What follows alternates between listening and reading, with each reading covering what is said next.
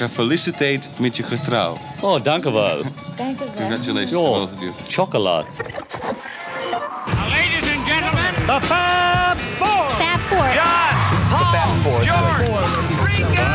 Four. Not four. Fab Four. We have for you the Fab Four. Fab Forecast. Standing in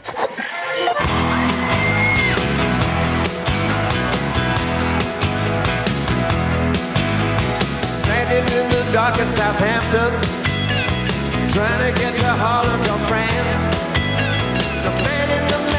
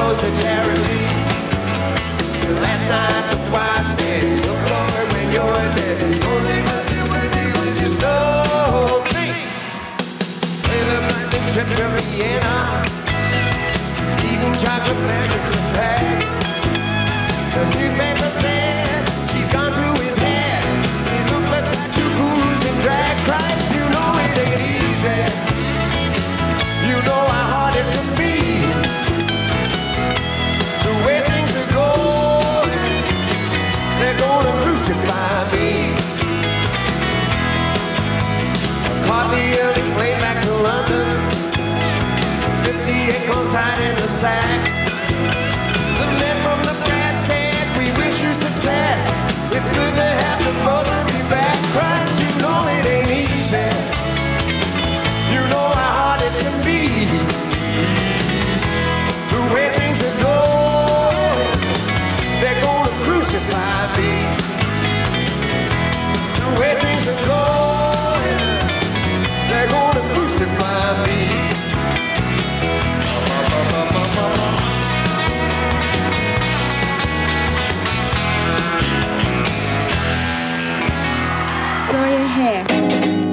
Bed piece.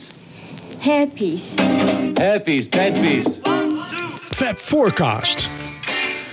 Ja, goedemorgen, goedemiddag, goedenavond, beste luisteraars van Fab Forecast. Een nieuwe aflevering. Ik ben hier in de studio met Jan Kees. en Wibo. En we gaan het vandaag ja, heel toepasselijk hebben over 50 jaar bed-in. Want dat is deze week precies 50 jaar geleden.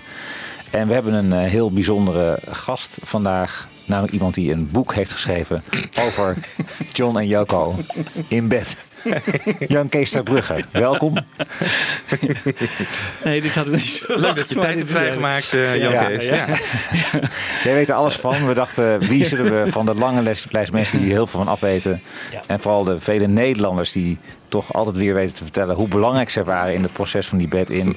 Wie zullen we uitnodigen? We dachten, we vragen gewoon iemand die eh, toch op iets meer afstand staat. Je bent er zelf niet bij geweest, hè, geloof ik. Ik ben er zelf Nee. niet bij geweest. Nee. Hoe oud was je toen, eh, Ja, ik was nog heel jong, dus ik weet niet eens dat het, eh, dat, dat het was. Maar het, we- het is wel iets waar ik natuurlijk de, la- de jaren daarna altijd over heb gehoord. En dat de Beatles in Nederland, hè, dat weten we 64, maar dat er John Lennon ook naar Nederland is gekomen. Paul McCartney weten we een keer en in Deventer hebben we ook wel eens iets over gezegd in 76. Maar dat John Lennon toch eh, daar een week lang in bed heeft gelegen, ja, dat is natuurlijk wel iets unieks. Ja. Eh, Ik, ik, ik hoorde het ook eh, aan Mark Lewis en die vond het er ook. En die is speciaal voor naar Nederland gekomen. Het betekent ook wel iets. Ook, ook in de hele Beatle-geschiedenis is het wel. een, het is niet heel belangrijk, maar het is wel iets wat iedereen nog weet. Of, Ja, en- ik heb wel het idee dat het bijvoorbeeld iets, echt iets zegt over, over John Lennon's verdere politieke profilering op zijn minst. Hè. Dat is, begint al ergens in 68 met Revolution natuurlijk heel duidelijk. Ja. Ja. Ja. En dit is eigenlijk, is het, is het niet eigenlijk voor het eerst dat hij zo duidelijk... eh, Voor de vrede. Voor de vrede ja, zich ja. als een soort vredesapostel Ja, eh, ja. presenteert. Ja, dat is waar. Het eindigt vrouw. ook weer eens een keer. Hè? Dus het is niet zo dat hij dat altijd is gebleven. Maar eh, ik geloof rond Imagine of zo, dan is het echt afgelopen. Dan, eh, dan houdt het op. Ja. Dan doet hij Ja, dat. daarna doet hij Sometime in New York City natuurlijk. En dan is hij heel erg politiek activistisch dat wel. Maar op een wat agressievere manier of zo. Ja, zeker. Ja, klopt. Ja, zeker. Ja, daar is Ja. wel een verschil tussen. Ja. Ja, ja. Ja. ja. Dus dit is zijn vredestijd eigenlijk. eh. Ja, en wat ik zelf, want inderdaad, het is heel erg makkelijk om eh, John en Yoko in dat bed neer te zetten als twee, twee halve garen, bij wijze van spreken. Ja, die, ik bedoel, wat wil je in godsnaam bereiken door in bed te gaan liggen voor de vrede? Hè? Ik bedoel, je kan op allerlei manieren proberen dat te bereiken. Maar ik heb, eh, ja, omdat er toch vrij veel interviews met Lennon zijn gehouden eh, in die bed-in-periode. Even voor duidelijkheid, we hebben het over Amsterdam eind maart 69 en later over eind mei eh, in Montreal. Hè. Met name in Montreal, daar komt hij echt een paar keer echt duidelijk te spreken over wat nou zijn bedoeling was. Wat, wat wilden ze, op wat voor manier wilden ze nou inderdaad vrede bereiken door in bed gaan liggen? Hoe moet je dat eh, ja, zeg maar in je hoofd ro- rondbreien? Nou, daarmee heb ik even een aantal quotes van Lennon over op een rij gezet. Now it's a different age, you know, and it's gimmicks and salesmanship. And if that is that if that's what will put it across, that's the way to do it. You're uh, protesting against the conditions you live in, or the conditions you work in, or the conditions of the whole world, I think there's better methods to be used, you know. It's And uh, we're right. not saying everybody lay in bed. I mean, it'd be a nice idea if they all did, you know. But okay, this is suitable for us. We hope it gives some suggestions for people to say, well, what what good's that doing? It's just a But gimmick, They'll do know. something they're else. putting up, you we, know we're that. selling it like soap, you know, and you've got to sell and sell until the housewife thinks, oh, uh, well, there's peace or war. That's the two products. We make people laugh, that's enough. Happiness is a good vibe for peace. And, but they could, I'm saying grow your hair for peace. Oh, cut it off. Have some sign on it that's for peace, you know. All we're saying is if you think you can do better, do it. You top it. Stop asking us, do you think it's going to work? You know, do something yourself. It's people who are going to change the government. It's people's minds that are going to be You open to know believe that they are it and they can run without government. Just get people indoctrinated to think peace, you know. It's the only way. You've got to get through to housewives and children. They're going to be the next generation. You've got to get through to them and convince them that peace is the way. That's why we're saying, look, you've got women in your organisation, photograph them. And then sell it and just have less words and more peace. No intellectualism. None of the approach and how we're going to do it and what we're going to do when we get when we get control. Don't be snobs about it. Get down, get your trousers off and sell. Hmm, ja. Ja, get your knickers down. Ja. ja, die kennen we nog. Ja. Maar het is net heel erg, is op zijn minst enorm idealistisch natuurlijk. Hè? Van dat, hij, dat hij toch verwacht dat er uit een gewone man een soort vredesbeweging kan ontstaan. Maar ik vind het wel mooi wat hij zegt van ja, je kan heel cynisch zijn en zeggen van ja, wat voor manier, eh, wat, wat ga je nou bereiken met, eh, om vrede te bereiken door in bed te gaan liggen. Maar hij zegt van ja, het, het, het gaat gewoon om, dit is maar een manier om eh, de vredesboodschap onder de mensheid te verspreiden. Ja. En ieder kan het op zijn eigen manier doen. Je kan in bed gaan liggen. Op een gegeven moment wordt hij heel enthousiast. Dan is er geloof ik een man die van Toronto naar Montreal is gelopen. En ook voor de vrede. Hè? En, en, en dat vindt Lennon dan geweldig. Ja, Want zijn zegt van, manier, Precies, ja. je hebt gewoon een manier gevonden om de vredesboodschap eh, Ja. voor jezelf en Ja. misschien weer voor anderen te bereiken. En, en zo wilde hij eigenlijk dat er een soort sneeuwbal ontstaat, denk ik. Dat iedereen dat gaat doen. Eh, Is het eigenlijk een voorloper van de, de sponsorlopen eigenlijk eh, geworden? Ja. Toch? Ja, nou, dat zie je daar ook wel, toch? Eh, dat Ja. kan, kan ook enorme hoge verheven doelen hebben. Eh, en, en, maar met de hele simpele middelen eh, bereikt worden. Ja. Ja. Althans, nagestreefd worden. Ja. Ja, ik vind het eigenlijk wel, eh, wel, wel mooi hoe die eh, dan zegt van ja, ook elke huisvrouw die kan ook in bed gaan liggen. Of, of verzin iets anders. Eh, maar het gaat erom dat je gewoon mensen bewust maakt van de noodzaak om vrede te bereiken. En hij zegt ook van ja, als, je naar de, als het aan het systeem, aan de politiek overlaten, dan leidt het of tot geweld en tot heel veel ellende. Ja. En we- bedoel, het systeem heeft zichzelf honderden jaren kunnen bewijzen, maar het is niet gelukt. Dus het is natuurlijk, ik bedoel, het heeft een hoge mate van idealisme. Ehm, maar als, als statement van een artiest vind ik het heel overtuigend. eh. Ja. En totaal revolutionair natuurlijk voor een Ja. artiest om dit Ja. te doen. Ja. Hoe Dus, groot eh, is de invloed van Joko hierin, denk je? Ja, ik denk wel heel groot. Hè? We hebben Ja. vanochtend met, eh, met eh, Mark Lewison gesproken hierover, ook kort. En hij zegt gewoon, het is 50-50. Ja. Eh, Ja. Eigenlijk, Ja. Het is echt een, echt, een, echt een samenwerking tussen die twee geweest. Ik denk zelfs dat de, de, de invloed van Joko nog iets groter is dan 50-50. Ja, Ja, zou kunnen. denk het wel. Zij was eh, degene hè, van dat soort experimenten, kunstexperimenten, Ja. bagism, al dat soort dingen. Die, die, die Antemeerde zei, dit, dat, dat was haar eh, idee. En, en John omarmde dat. En die dacht, hé, hey, dat is een mooi Ja. idee. Dat, dat kunnen we wel eens gaan doen. Ja. Dus eh, op zich vind ik, eh, denk ik dat eh, Joko's invloed hier behoorlijk groot is. Ja. Ja. Nou, zullen we eens even induiken, jongens? Ehm, we gaan dus veel over Amsterdam doen. Straks even kort ook nog eh, Montreal. Eh, het verhaal, ja, wat gebeurt er hiervoor? Ehm, ze staan at the dock of Southampton natuurlijk. Hè? Eh, proberen te trouwen natuurlijk, op trouwlocatie te vinden. Proberen dat in Amsterdam zelfs. Maar dat mag niet, omdat je daar geloof ik twee weken moet wonen voordat je überhaupt mag trouwen. Dus dat lukt niet. Parijs lukt niet. Dan uiteindelijk horen ze van Peter Brown, die called say, you can make it okay. Ga lekker naar Gibraltar, daar trouwen ze. En dan komen ze terug. En dan gaan ze eigenlijk al vrij snel naar Amsterdam. Ze vliegen terug naar Parijs. Parijs, ja. Ontmoeten ze hè, Dali. Dali ontmoeten ze inderdaad Ja, nog. Dat ja. schijnt ook een lunch te zijn die niet helemaal Niet helemaal goed verloopt. Hè? Want Nee. wat gebeurt daar? Weet jij dat? Er is een soort communicatiestoornis tussen hun beiden. En, en in ieder geval, ze, ze, ze gaan weg. Want ze hadden daar meer van verwacht. Ze hadden er echt van verwacht dat ze met Dali op één lijn zaten of zo. Maar die twee, ja, ik denk Dali was natuurlijk in die tijd al een wat oudere man. Die niet helemaal begreep wie Lennon was. Wel dat het eh, publiciteit was en bekendheid. Mm, ja. En eh, ze, ze hebben daar niet eh, al te lang eh, gezeten. Nee, de, de, de, de meningen verschillen wat over wat er nou precies gebeurd is. Maar in ieder geval, het is niet lang geweest dat ze bij elkaar zijn geweest. En Lennon wilde hem heel graag zien. Maar eh, het is niet geworden van wat hij ervan Nee. had verwacht. Oké. Ook een surrealistische kunstenaar natuurlijk. Dat ze al Lennon inderdaad hebben aangesproken. Ja, dat sprak hem zeker aan. Dat sprak hem ja. zeker aan. Nou, ze komen in ieder geval aan op maandag 24 maart. Ze rijden met de Rolls Royce, die witte, van Parijs naar Amsterdam. En komen daar s'avonds uh, laat aan. Ja, dus de hele rit uh, Sgt. Pepper gedraaid voor Joko, die het niet schijnt, niet schijnt gekend ja, te hebben. Hadden ze toen wel even de tijd voor ja, natuurlijk. Ja, toen wel even de tijd voor. Ja, ja maar het was echt een, een, in, die, in die dagen nog een hele tocht. Hè? Want uh, er waren wel stukken snelweg in Noord-Frankrijk waren klaar, maar door België heen en zo. Dat, dat liep nog allemaal niet zo goed. En dan moest nee. je echt over B-wegen en dan weer een stukje snelweg. En het was echt... het was moeilijk. Toen kwamen ze in Amsterdam en wisten natuurlijk niet de weg. Maar dat had Hans Boskamp geregeld dat Henk van der Meijden ze dan op de Utrechtse brug zou opwachten. Precies. Nou, die Hans Boskamp noem je nu even. Die uh, is natuurlijk de regelaar een beetje van uh, het hele bed in. Die vertelt even iets over waarom uh, Amsterdam is gekozen. Hij trouwde dus met, met Miyoko. En toen, dat, dat hoorde ik. Maar hij had niemand uitgenodigd.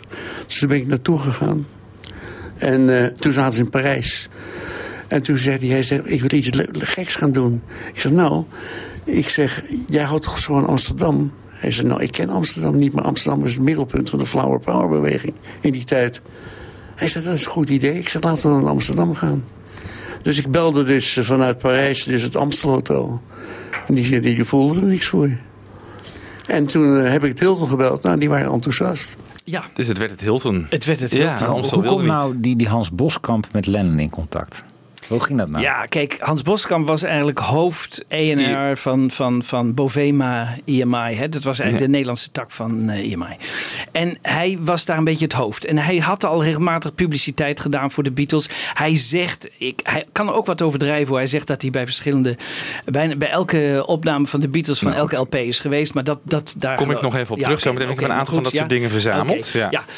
we moeten dus af en toe zijn verhaal wel een beetje in. Uh, uh, niet, niet met een korreltje zout nemen. Ja. Maar aan de andere kant was het wel zo dat. eh, kijk, Hans Boskamp was een, was een persoonlijkheid. En John zag het wel. En Hans Boskamp zegt altijd: ja, ik had gevoetbald. En John vond het leuk. En eh, dat was de reden dat ik, eh, dat, dat ik een goede band met hem had. Maar ook dat weet ik weer niet. Want ik, ik, ik heb de Beatles nooit zo kunnen betrappen op echte, als echte voetbalfans. Dus Hij dikt dat wat aan. Nou, Hij is wel grappig. wat Ja, wel grappig dat je het zegt. Want ik ben in, in de archieven van Beeld en Geluid heb gedoken. Heb wat interviews met hem gevonden.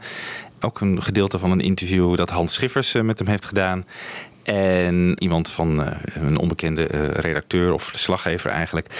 En die heeft het ook een beetje bij het verkeerde eind. En Hans Boskamp vraagt me eigenlijk een beetje af inderdaad wat, hij, wat daar nou van waar is wat hij allemaal zegt. Ik heb die dingen even achter elkaar gezet. Ik werd zijn vriendje namelijk. Eh, ik kende hem al vrij goed natuurlijk. Want ik ben dus ook bij de opnames geweest ook van de Beatles. Welke opname bent u geweest dan? In Londen. Nou, praktisch alle, allemaal. Echt waar? Ja, de laatste twee jaar.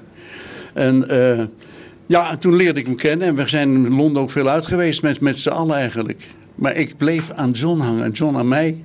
Dat klikte gewoon. Wat was die klik dan? Waar was dat op gebaseerd? Ja, het was eh, nou, onder andere ook op het voetballen. Want hij merkte dus, hij, hij hoorde dus dat ik in het Nederlands elftal gespeeld had. En in Ajax, dan zei hij, Ajax, ik ben van Liverpool. En we hadden altijd een beetje ruzie over Ajax en Liverpool. en daar is het begonnen. Ja.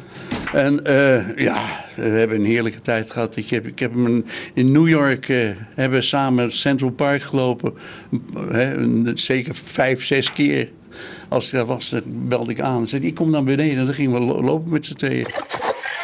Als we eerlijk zijn, we zitten nu op een kamer 702. Het, het was eh, op de negende verdieping destijds. Hè, dus ze hebben de kamer verplaatst. Maar het is nagebouwd. Dus, eh, en u, zegt, nou, het zag er eigenlijk wel zo uit. Dat zag er zo uit. In de hoek hier eh, staat een gitaar. Zijn gitaar. Die hebben we gekregen. Hilton heeft het gekregen. Is dit de echte? De echte. Ja? Ja, dat is de echte. Maar die- Eén of één van de. Want dus ik denk dus dat hij wel meer gitaar had natuurlijk. Je denkt er wel aan terug natuurlijk. En je gaat al de verhalen weer omhoog halen die er geweest zijn. En, eh, en de kleine ruzies die we hadden over Ajax en, en, en, en Liverpool en zo. En dat soort grappen. Ik was een paar weken voordat hij neergeschoten werd in New York nog bij ze. We hebben samen daar in het park gelopen weer. En toen, ik was eenmaal thuis, toen kreeg ik een telefoontje. Toen hoorde ik dat hij dus dood was. En dat is toch wel een eh, heel erg slecht moment in mijn leven geweest. Ja, dat heeft persoonlijk natuurlijk als een. Het was, het was een vriend van u, dus dan. eh, En een goeie. En ik ben met hem erg bevriend geworden. Afgezien de andere jongens vonden ook wel leuk. Maar John en ik waren speciaal. Ik heb de hele wereld met me rondgereisd. En dan, eh, dit was één ding, dat, dat was mijn idee. Dat heb ik be- be- be- bedacht. Dus deze historische happening eh, in 69, die hebben we eigenlijk aan u te danken. Deze ja, deze zeer zeker, ja. Ja, wat zeg je daarvan? het komt altijd neer op eh, Liverpool en, eh, en Ajax. Dat is volgens mij wat Hans Boskamp en John Lennon bond. En verder volgens mij niet. Maar ik heb het idee dat Hans Boskamp het enorm opblaast. En ook dat die kamer verplaatst is. Dus dat ze hem hergebouwd hebben op de zevende verdieping. Dat is natuurlijk helemaal niet zo. Ze hebben gewoon een ander nummertje op de deur gezet. En nu is het 702 in plaats van 902. De gitaar van John Lennon zet je niet gewoon los in, in de kamer. Zodat eh, bezoekers daarop kunnen spelen. En ik denk ook zeker niet dat Lennon zijn gitaar daar heeft gehad. Nee, Nee. Dus dat vind ik wel jammer. Want Hans Boskamp is volgens mij eigenlijk... Ja, God hebben zijn ziel. Maar volgens mij gewoon een praatjesmaker. Ja, maar het was een charmeur, het was een, een acteur. En, eh, d- dat was iemand die natuurlijk graag ook zelf in het middelpunt van de belangstelling stond. En misschien de waarheid een beetje naar zijn eigen hand heeft gezet. Ja, behoorlijk, ja. ja. Maar goed. Hij was trouwens ook geen fan van de Yoko. Dat vond ik nog wel grappig. Ja, die was niet bij die lange wandeling door Central Park. Ik denk het niet, nee. Nee. nee. Paul mocht eh, niet met John eh, lopen, maar Hans Boskamp. mocht wel. Ja, het was niet mijn directe vriendin, ik moet je zeggen. Ze was ook heel erg eh, bedeesd en eh, er kwam nauwelijks een woord uit. En ze heeft ook nooit dankje gezegd, gewoon, als er iets gebeurde. Het was een hele vreemde vrouw. Ja. Ja, ik denk wel, hij, hij heeft inderdaad dat huwelijk, eh, zeg, al- althans die bed in, daar moest natuurlijk veel geregeld worden. Wat je net zegt, eh, Amstel kon niet en dan moest een ander hotel geregeld worden. Ik kan me best wel voorstellen dat hij Ja. het geregeld. En dat, dat het ook handig was om dan een, een, een beetje een soepel pratende regelaar eh, hier te hebben. En Moesten dat, ze ook dat was hij zeker. Ja. hij zei ook tegen de journalisten van... eh, jij mag nu binnenkomen. Dat, dat regelde hij allemaal. Ja, en dat je. er shifts kwamen eerst van de, van, de, Ja. van de schrijvende pers en daarna van de fotograferende en filmende pers. En dat soort dingen heeft hij allemaal geregeld. Ja. Hij, heeft, hij heeft best veel dingen gedaan. Kijk, en hij, ik denk dat hij eh, ook heel erg in contact stond met Peter Brown. Hè, die, die, eh, die in het begin en aan het eind aanwezig is geweest. Eh, dus de, daar overlegde hij waarschijnlijk allerlei dingen mee. En John heeft hem ook gevraagd, hè, ga mee naar, naar Wenen. Dus eh, na afloop is hij ook mee Is hij geweest mee gegaan naar Wenen? Ja, klopt. Ja. Nou, we waren bij die eh, aankomst gebleven. Hè. Jij noemde het al even Henk van der Meijden. Die vertelde er ook wat over. Ik had natuurlijk eh, enorme goede relaties in de showbusiness. Kreeg van EMI, van Hans Boskamp, en de tip dat ze zouden komen. Ze zouden eerst per vliegtuig komen. En toen hoorden we dat ze per Rolls-Royce zouden komen uit Parijs.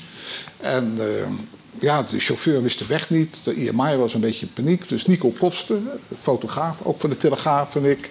zijn naar de Utrechtse brug gegaan met, om hun op te vangen met de Rolls-Royce. Enfin, eh, Nico reed voor ons uit in de Volkswagen. Ik stapte in die Rolls-Royce bij hun. En ja, dan heb je meteen het allereerste contact. Begrijp je? Een aparte Rolls Royce zo met een bandrecorder, met eh, televisie al in die tijd, wat bijzonder was. Met een brievenbus. Deed die dingen op de post en songs, echte brieven. Ja, belachelijk. In ieder geval, maar wij waren er dus vanaf het eerste moment bij. Dus we gingen ook met hun naar de kamer, naar 902, in het Hilton Hotel. En ja, dan, ons, dat schept dan al een band. Ja, dus heel slim van die van der Meijden natuurlijk om daarin te stappen. Kijk, ik denk ook weer Hans Boskamp. Hè, die, die, die, die dacht natuurlijk ook als ik Henk van der Meijden nou een, een exclusieve positie geef. Is voor mijzelf ook niet slecht. Hè? Want eh, hij, hij speelde zelf mee in series als Floris en zo. En weet je, dus hij was, Hans Boskamp was zelf ook een acteur die ook erg eh, eh, afhankelijk was van de publiciteit. Dus die, het was gewoon voor beiden een win-win situatie. Maar speelde hij toen ook, was hij toen acteur toen, terwijl die directeur van EMI ja, was? ja, ja, ja, ja, vlak, ja, want dat is in, ook in eh 68, 69 opgenomen, dacht ik, eh, Floris. Dus eh, in die Ja, tijd ja. eh, was hij ook... eh, Bijzonder. Ja, heel bijzonder. Hij was van alle markten. Hij is overigens niet zo heel lang bij EMI geweest hoor, eh, Hans Boskamp. Maar eh, hij, hij deed van alles. Hij zong ook liedjes en eh, nou fijn. Dus die, die was gewoon een, een alleskunner en een voetballer. En Ja, dus, eh, Nederlands elftal nog ja. Nederlands elftal. Want, want Henk van der Meijden was natuurlijk van de rechtse krant, maar dat kon allemaal niet schelen. Joh. Dat is, Nee. die, die zag ook dat het eh, publiciteit Nee, dat maakt het John ook niet uit natuurlijk. Nee, nee, maakt. John helemaal niks uit. Nou, eh, wij gaan niet chronologisch door die hele week heen. Dat vonden we eigenlijk een beetje ja, te saai. Dus we hebben het een beetje, Michiel en ik, opgeknipt in ehm, groepen mensen die daar zijn gekomen. Te beginnen met de fotografen. Die kwamen allemaal op dag één. Correct me if I'm wrong, eh, Jan Kees. maar jij bent de expert nee, klopt. natuurlijk. Nee, hè? klopt. Er zijn natuurlijk een hele hoop eh, iconische foto's gemaakt van John en eh, Joko in die week. Eh, even een korte sfeerimpressie van die eerste dag. Waarop we trouwens ook een hele jonge Hans Boskamp horen.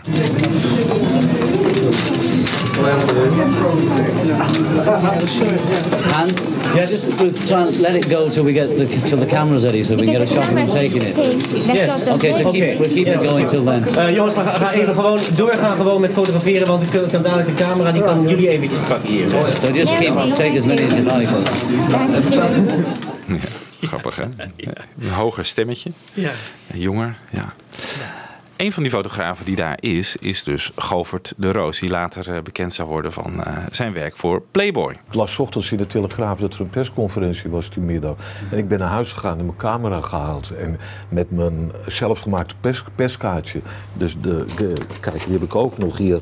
Die heb ik weer teruggevonden. En, en met dit eh, zelf, daar kon ik naar binnen. Het was gewoon, ja, ik weet niet of je het vervals noemt. Het was, het was geen echte. Ik ben ook heel kort, weet je, ik ben naar binnen gegaan, ik heb een filmpje volgeschoten. Ik stond te trillen, het zweet brak me uit. Ik was alleen maar bang dat iemand me zou stoppen in de gang. Zei, ja, had u er helemaal niet mogen zijn, hier met het filmpje. Ja, leuk. Ja. Zo'n broekie nog, helemaal niet bekend nog natuurlijk. Heeft zich gewoon eigenlijk naar binnen gebluft. Met zijn eh, zogenaamde toegangspasje. Ja. Eh, Henk van der Meijden noemde net al even Nico Koster. Dat is volgens mij zijn vaste fotograaf geweest in die tijd bij de Telegraaf. En die is dus ook ehm, met hem mee geweest op die kamer. En heeft onder andere dus die foto's dat zij aan het lunchen zijn. En eh, Nico Koster heeft daar foto's van gemaakt. En die is hij een hele tijd daarna is hij ze kwijt geweest. Wat wel een grappig eh, verhaal is. En hij heeft ze uiteindelijk weer gevonden. Hij vertelt er even over. Mijn dochter is eh, geboren en dat jaar ook. Daar had ik een keurige map van, van allemaal foto's van de geboorte enzovoort. En daar heb ik ze ingestopt, per ongeluk. Dat is dus 40 jaar zoek geweest. En hoe zijn ze dan weer eh, aan het licht gekomen? Oh, mijn dochter die, eh, die was eindelijk eens een keer in die map aan het kijken. die was inmiddels 40. en die zegt, hé hey, pa, ze belde hem op. Dus ik, ik, ik, eh, mensen in bed, ik zei, het zijn Jo- Yoko Ono en John Lennon, geweldig. Die was je toch kwijt? nou, zodoende heb ik ze weer teruggevonden. Ja, bijzonder verhaal. Ja. Heb jij Nico Koster ook gesproken voor het boek? Ja. Ja, en die was bijzonder aardig. Weet je, Nico Koster is zo iemand die dan niet, eh, niet, ook niet bovenop die copyright zegt: Goh, gebruik maar, weet je wel. Ik vind het ontzettend leuk. Hij verkoopt af en toe, heeft zo'n galerie daar eh, in, in, in het centrum van Amsterdam. En dan kun je zijn foto's groot eh, kopen. Maar we mochten heel aardig gewoon gebruik maken van al zijn foto's en al zijn contactsheets en wat hij had gemaakt in die dagen. Dus dat was, ja, echt geweldige man. En, en eh, Govert de Roos, heb je daar... eh, Govert de Roos hebben we ook gesproken. Eigenlijk wie we, wie we niet hebben gesproken, maar wie eigenlijk heel belangrijk is geweest, is John de Roy. En John de Roy die is al jaren geleden overleden. John de Roy die kennen we misschien van de foto dat eh, Beatrix en Klaus in het geheim in de tuin van... Oh, ja. hè?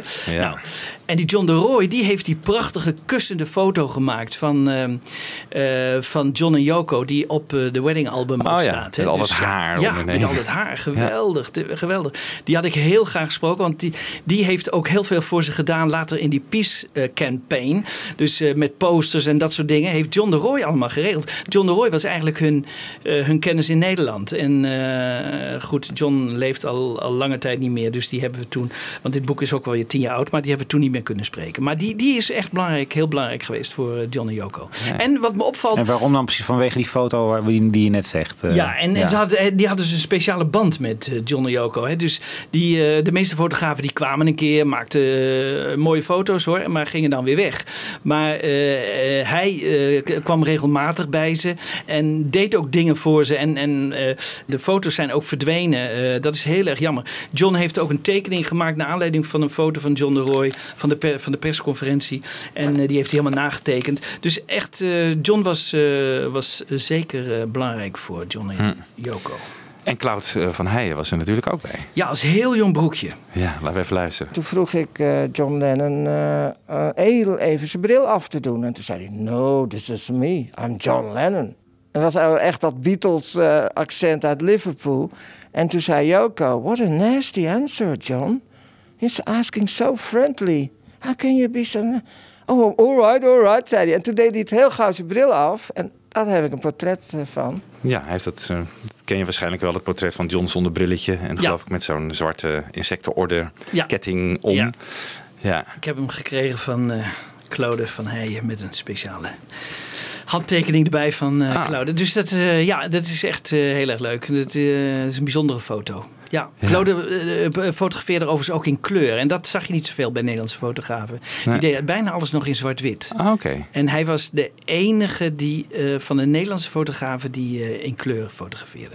Oké. Dus dat is ook bijzonder. Dat is bijzonder. Dus hij fotografeerde misschien ook niet voor de krant alleen dan? eh, Nee, meer voor zichzelf. Hij was Ja. nog heel jong. Hij was nog 17 of zo. Ja. Ja.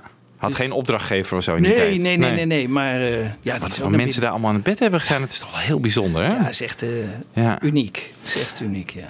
Dan eh, wil ik even kort over eh, de journalisten hebben die erbij bij waren. En meteen op de eerste dag klaagt ehm ene Niek Heisenberg van de NCFV meteen al over dat het stinkt in die kamer. Dus gewoon op dag één al. Hè?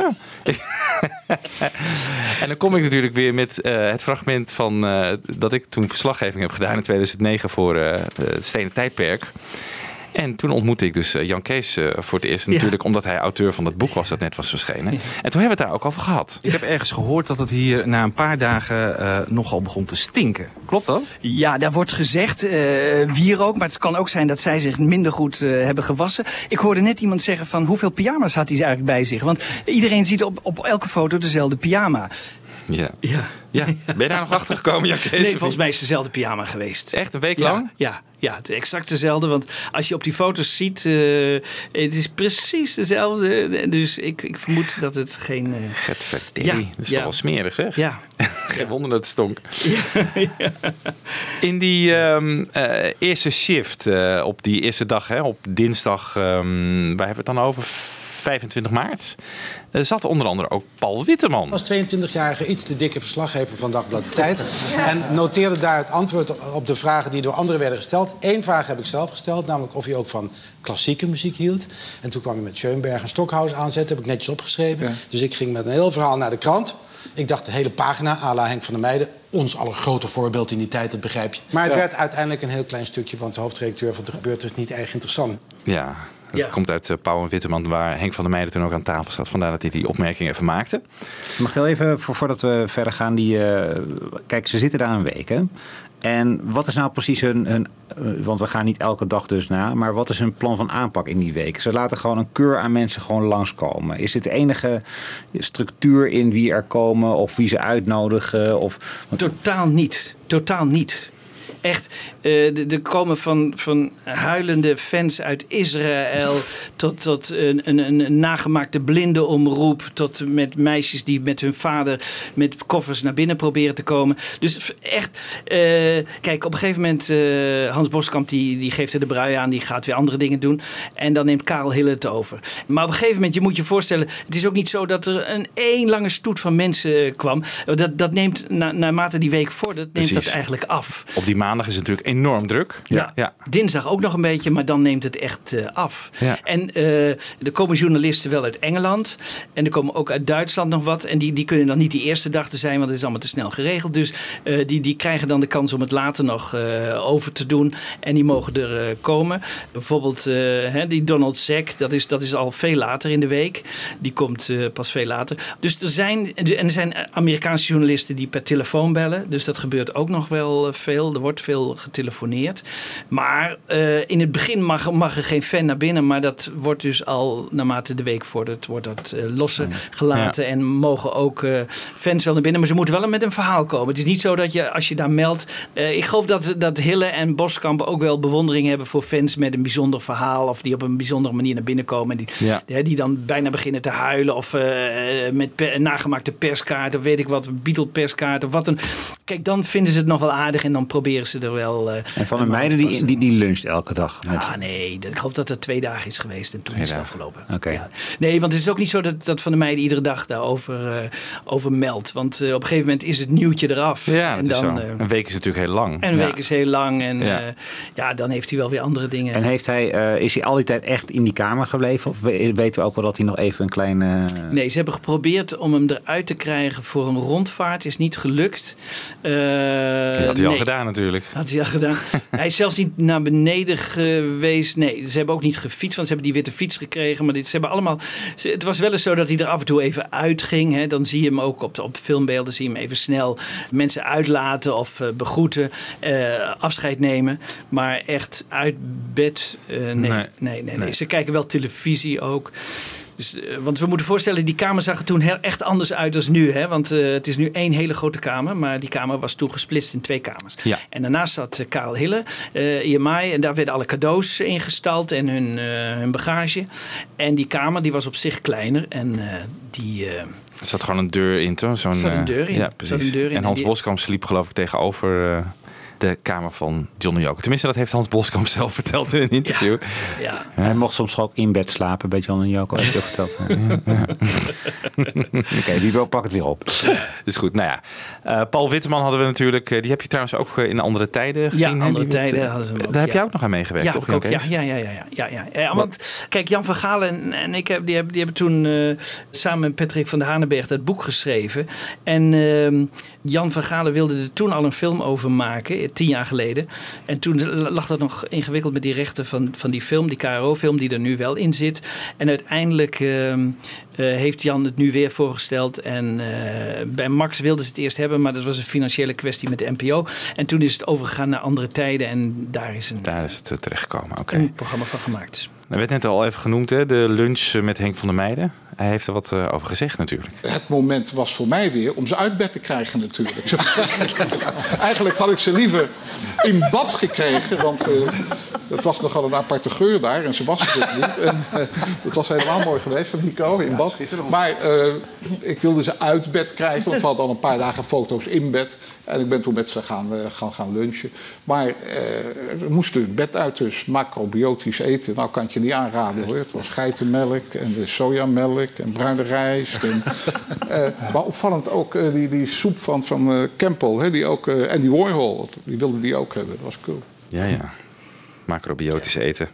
Ja, daar hoor je Nico Koster ook nog wel over. Dat het echt eh, gewoon niet te vreten was. Wat dat vandaan komt, weet ik niet. Hè? Dat weten jullie ook niet. Hè? Maar dat, eh, Dat macrobiotisch. Dat alternatieve eten van John. Ja. Ook van Joko Geen- misschien? Ik ja, weet het misschien. Niet. Ja, nooit gehoord. Nee. Vegetarisch was hij, dacht ik, toen ook al. eh, dus, ehm, Vegetariër, ja. ja. Eentje die er ook bij was, was ehm, Jan Donkers. Kun je daar wat over vertellen? Hij was van de VPRO, hè? van de hitkrant in die tijd, geloof ik. Ja, Eh, Jan Donkers is samen met eh, Jan Noordhoek, of, eh, Wim Noordhoek en Willem de Ridder. met z'n drieën zijn ze naar, naar John gegaan. Om een interview te doen voor, eh, de, voor de radio. VPRO Radio was net eigenlijk een beetje omgeturnd in een wat modernere eh, VPRO. Hè. Daarvoor waren de dominees nog aan de macht. Maar toen kreeg je in één keer eh, dat de nieuwe generatie daar kwam bij de VPRO. En die, en die hebben hem geïnterviewd. En Willem de Ridder heeft een interview gedaan in Fluxustaal. En Wim Noordhoek en Jan Donkers die hebben wat meer gevraagd over de muziek. Ja, volgens mij hebben ze daar ook een radio-uitzending vanuit de suite gemaakt. Ik weet niet hoe dat technisch... Nee, eh, hoe dat technisch gegaan is, dat... eh, Maar goed, laten we Jan Donkers even kort aan het woord. Ik was toen eh, ik was de redacteur van Hitweek en ik werkte bij de VPRO. Het feit dat je met één telefoontje toegang krijgt tot zo'n suite waar, waar die man dan zit. En een hele uitzending live mag maken, want dat hebben we gedaan voor de VPRO. Live drie kwartier eh, aan het bed van John en Joko. Dat was natuurlijk volstrekt uniek. En we hadden eigenlijk maar één, we gingen maar met één doel daar naar binnen zorgen dat Joko niet aan het woord kwam.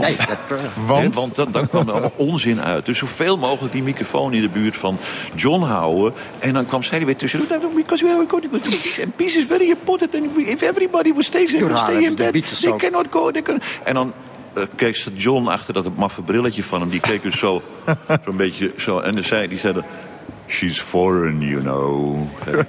Eh, we vroegen hem aan het eind van de uitzending... heb je nog tijd gehad om, eh, als de journalisten weg zijn... om wat muziek te schrijven? En toen haalde hij onder zijn bed haalde hij een akoestische gitaar vandaan... en zong... Don't let me down. Dit was volgens mij de allereerste keer dat dat in de ether klonk. Want dat liedje had hij volgens mij, maar dat, correct me if I'm wrong... had hij dat daar in, eh, in bed eh, geschreven. Dat is nog steeds een van zijn aller, aller, allermooiste liedjes. En dat had nog niemand gehoord wat wij later als plaats nee, hadden. Nee, en het was de, de, letterlijk rillingen over de rug hoor. Want ik, dat Ja, heb ik, wat ik nog steeds heb als ik sommige platen van Lennon hoor. Nou, correct you if you're wrong. Ja, oké. Bij deze. Jan? Nee, dat nummer is niet in bed geschreven in het Hilton. Goed. Je had het net al even over Willem de Ridder van Fluxus. Die eh, had er in andere tijden wat eh, over verteld. Yoko Ono kende ik al eerder. Want die zat bij Fluxus. En ik zat ook bij Fluxus. Ik was de chairman voor Northern Europe van Fluxus. en het leuke was dat eh, zij had allerlei ideeën die eh, ik natuurlijk ook had. Imagine bijvoorbeeld was je dingen voorstellen. Nou, daar waren we allemaal mee bezig. Je dingen voorstellen. En ik dacht, nou, ik zal John eens op de Fluxus manier interviewen. Hè? Zeg, hi John. Pourquoi il fallait faire des réflexions pour parler pour le fusil, pour le den blaf is jullie baby. Hij keek me aan en hij vond het fantastisch. En hij zei, oh, maar bleef er in de wat bleef ik En we hadden een heel gesprek zo. Kun je je voorstellen? Niemand kende Joko nog, hè? Dus eh, Jan Donkers, als het verhaal waar is, hè, dat ze Joko niet aan het woord wilde laten, dan moet dat via Willem de Ridder zijn gegaan, want die kende haar. Ik zou anders niet weten hoe hij wist dat, dat Joko onzin sprak of dat je die niet aan het woord moest laten. Want volgens mij was Joko nog eigenlijk nauwelijks tot ergens aan het woord geweest, eh, Nee. in, in welk programma dan ook. Nee, maar hij kende haar natuurlijk vanwege die kunstbeweging, of die, eh, Ja, die- dat ja, Fluxus in ieder geval. Ja, ja. Iemand anders, die, eh, jij noemde het net ook al even, Jan Kees, van de blinde omroep. Eh, die, dat is echt wel een heel erg eh, origineel verhaal. Ene Ed Lambert heeft Ja. zijn verhaal ooit gedaan in Spijkers met Koppen tien jaar geleden. Dat was natuurlijk een, een, een verhaal op zich, want je komt niet binnen. Hè? Dat, dat is allemaal beveiligd en, en allemaal hele strenge mensen die het niet doorlaten. Dus wij hadden John Lennon een telegram gestuurd Ja. met het verhaal van... eh, eh, je vraagt journalisten, mogen wij ook komen? Wij zijn ook journalisten. We zijn van de Dutch Blind Broadcasting. Voor geval je dat nog niet wist. Dat de blinde omroep? Ja, precies. En, eh, en John Lennon heeft meteen eh, diezelfde avond nog gereageerd met een telegram terug. Met het verhaal van je bent welkom. Kom maar. U bedacht een blinde omroep en die heette Veronique. Nee, dat, dat, dat heette niet zo. Maar Heette dat, niet zo? Dat stond op het schriftje waar ik mijn vragen had. eh, Toevallig stond daar Veronique op. Ja, ja, dat was een radiowinkel in Den Haag. Had niks met John Lennon te maken. We waren alleen, dat was natuurlijk het mooiste van alles. We zijn gewoon alleen in die kamer gelaten. En we hebben daar gewoon een half uur of drie kwartier... hebben we daar de beest uitgehangen, samen met John Lennon. Natuurlijk. We hebben een, een, een kussengevecht gehad. eh, we hebben elkaar met flitslampjes bekogeld. We hebben gefietst, er stond een fiets op zijn kamer. Eh, we hebben natuurlijk foto's gemaakt. Ik heb een interview gemaakt. Ja. Met een hele grote bandrecorder. We hebben oude opnames van uw bandrecorder. Ja. We luisteren. Die onder de Uh, bed do you think it will help for the world peace to stay in bed and to let grow your hair? Yes, I do. I think it's a symbolic protest against violence. I'm not saying everybody's going to drop their guns because I'm in bed. But I'm saying that the people are interested in protesting. Everybody's talking about we want peace, but nobody does anything about it. I'm doing something about it, and this is the most functional, best way our two minds could come up with. you know. Yeah. Uh, when do you expect the Third World War? I don't expect it. no. Oh, that's. Uh... And now, quite another question. Where did you meet Yoko? Yoko had an uh, art exhibition in London at Indica Gallery, and I met her there. Dat tak toch wel, Ja, ik had ook kunnen vragen of die pindakaas lustte of zo, weet je wel? Het sloeg helemaal nergens op. nou, dat antwoord van John zei je van... Hmm, Oké. Ehm, when do you expect the Third World War? Ja, dit is nou heel leuk. Ja, en zo moet je het doen, eh, denk ik. ja, ik. Maar we echt cheeky van die eh, Ed natuurlijk. Om gewoon de blinde omroep te verzinnen. En eh, op die manier de kamer op te komen. Echt Geweldig. Hij, eh, dat interview was geloof ik afgelopen. Toen gebeurde iets met een eh, Israëlische journalist. U kwam een huilende Israëlische journalist ja, tegen? Ja, die mocht dus niet naar boven. Die had zich er heel veel bij voorgesteld en die mocht niet naar boven. En eh, ik, ik had een beetje met hem te doen. Ik zei, joh, dat gaan wij even regelen. Dus wij hebben hem even naar binnen gepraat. Ja, je wil het niet weten, maar... Je hebt drie liften in, in, in de hal. En ik had bedacht van als er nu... eh er hangen van die lampjes boven. Als, als nu eh, op de negende etage een lampje brandt en het gaat naar beneden... dat kan niet anders dan de kamer van John Lennon zijn... dan moeten wij met een andere lift op dat moment omhoog. Want dan is er dus niemand. Dus dat hebben we ook gedaan. Dus we zijn naar boven gegaan en eh, ik, ik had Hans Boskamp, toen we naar beneden liepen... eh, die had ik een, een riedeltje horen eh, doen op de deur van... Next time when I come back, I do... eh, Een secret knock? Yes, precies. En ja. weet u de secret knock nog? Absoluut. Hoe Ja, kwam u dat horen? Nou, En dan was je binnen. was niet zo secret. Grappig. Die zien we nooit meer terug. ja, je kunt je voorstellen, als je zo iemand dus vindt hè, voor zo'n boek, dat is natuurlijk goud waard. Hè. Ja. bedoel, dat- dat, zijn zulke leuke jongens die, eh, die dan heel blij zijn om na 40 jaar, eh, 10 jaar geleden, om een verhaal te kunnen vertellen. En die hadden dan ook nog op, op de bandrecorder alles bewaard. Dus dat was natuurlijk fantastisch. En die hadden ook foto's gemaakt, hè, dus, ook, Ja. dus dat was helemaal leuk. En die Israëlische journalist, hoe zat dat? Die is uiteindelijk wel. Bekend. Nov, ja, ja, ja, Ja. die heb ik ook weten te bereiken in Israël. Die heeft ook opnamen gemaakt. Die heeft nog eh, Israëlische liedjes met John Lennon gezongen. Jerusalem en zo. Dus die was zo blij dat hij daar naartoe mocht. En eh, d- dankzij deze jongens is hij daar eigenlijk Ja. naar binnen gekomen. Ja, fantastisch. Mooi verhaal. Hij was Ja. geloof ik student hè, daar in eh, Amsterdam in Ja. die tijd. Ja. ja. En ja, de El Cap van, van Amsterdam hè, was natuurlijk Donald. Ja. Michiel. Ja, ik vond het wel interessant. Want Donald Sack, eh, ja, ik dacht, ik ga even kijken van wie die, wie die man is. Wat zijn palmares is, zeg maar. En die heeft de Beatles dus geïnterviewd al in 1963. Hè? ja. En met een heel, eh, ja, jullie besteden ook aandacht aan in jullie boek. Eigenlijk een heel filijn stuk eh, in de Daily Mirror. En dus de Beatles die waren toen natuurlijk up, up and coming. Even kijken, het stuk verscheen ergens. Volgens mij hebben ze in december 63 eh, op zijn flatje in, in Londen eh, dat interview bij. Daar moesten zij naartoe komen. Ja, moest zij naartoe komen. Dus dan zit je in, in, in, in een. Kan je je voorstellen, je- een jaar eerder zit je lekker in Hamburg. En nu moet je Ja. inderdaad eh, allemaal een beetje opzitten bij dit soort belangrijke journalisten. En die schreef een stuk. Dat was eigenlijk eh, een beetje een. Ja, dat heette dan For Francis Little Fort Fauntleroy's. Nou, ik weet niet wat hij er precies mee wilde zeggen. Maar, maar maar who, who are making 5000 pounds a week. Dus eigenlijk eh, een beetje het beeld dat hij neerzet is gewoon een paar omhooggevallen jongens die eh, snel geld verdienen. Ja. En McCartney heeft dus in zijn boek McCartney over McCartney, weet je wel, van Paul Dunoyer, jaren later memoreert hij nog van ja, Donald Sack, dat waren hele valse journalisten eigenlijk. Daar waren we ook voor ons op onze hoede. Dat we niet ons, eh, voor, onze, ja, voor zijn karretje lieten spannen.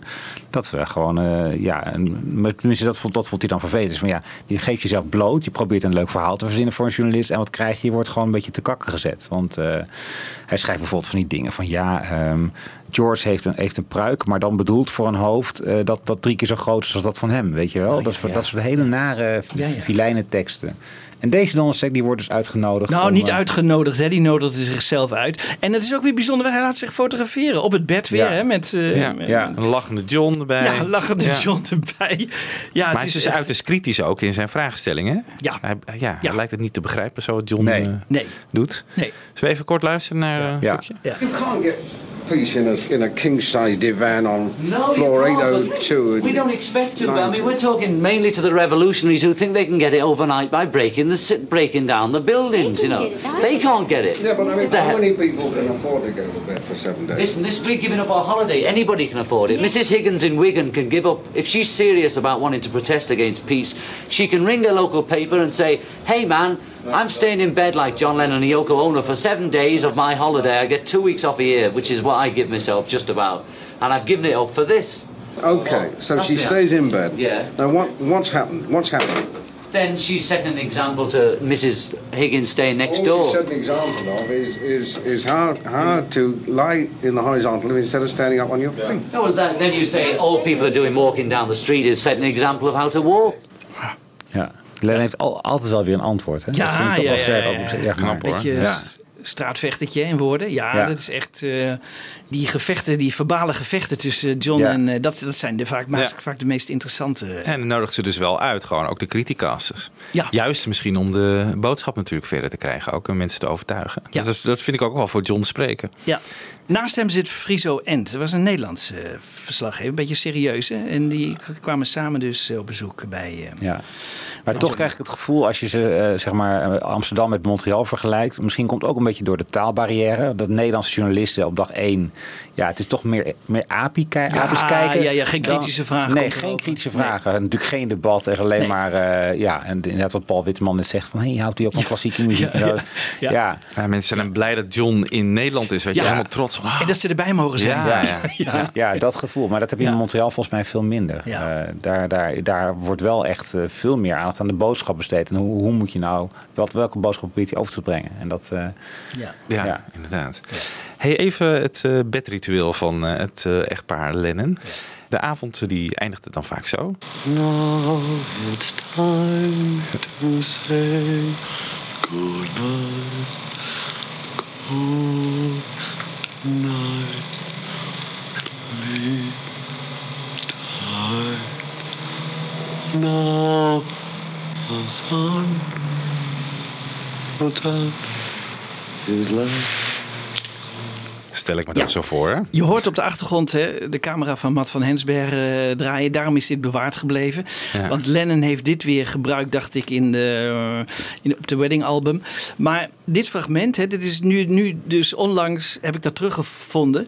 En, en zeker Jan Hovers heeft dus eh, deel 2 van de film van, van Lennon al sinds 1986 in zijn bezit. En die heeft hij gered eigenlijk, zegt hij, van de, eh, van de afvalcontainer bij de KRO. Daar lag de film deel 2 van John's Honeymoon. Hm. Hè, wat jullie hebben gezien in eh, andere tijden, dat was deel 1, fragmenten eruit. Maar er is ook een deel 2.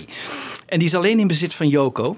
En eh, deze Jan Hovers die dacht, hey, dit kan wel eens iets zijn. Er stond op eh, iets van eh, King Futures of zo. Nou, in ieder geval, hij dacht John en Yoko's Honeymoon deel 2. Nou, en eh, eh, hij heeft het laten eh, scannen. En het is zo bijzonder dat Mark Lewison nu komende donderdag bij hem gaat kijken. Want Mark Lewison wist van het bestaan af van deel 2 van John's Honeymoon. Want het is dus zo dat Matt van Hensbergen en Wim van Muiden en Pieter Goesters, de regisseur, die zijn door John ingehuurd om met hem mee te gaan naar Hm. Wenen en daarna naar Londen.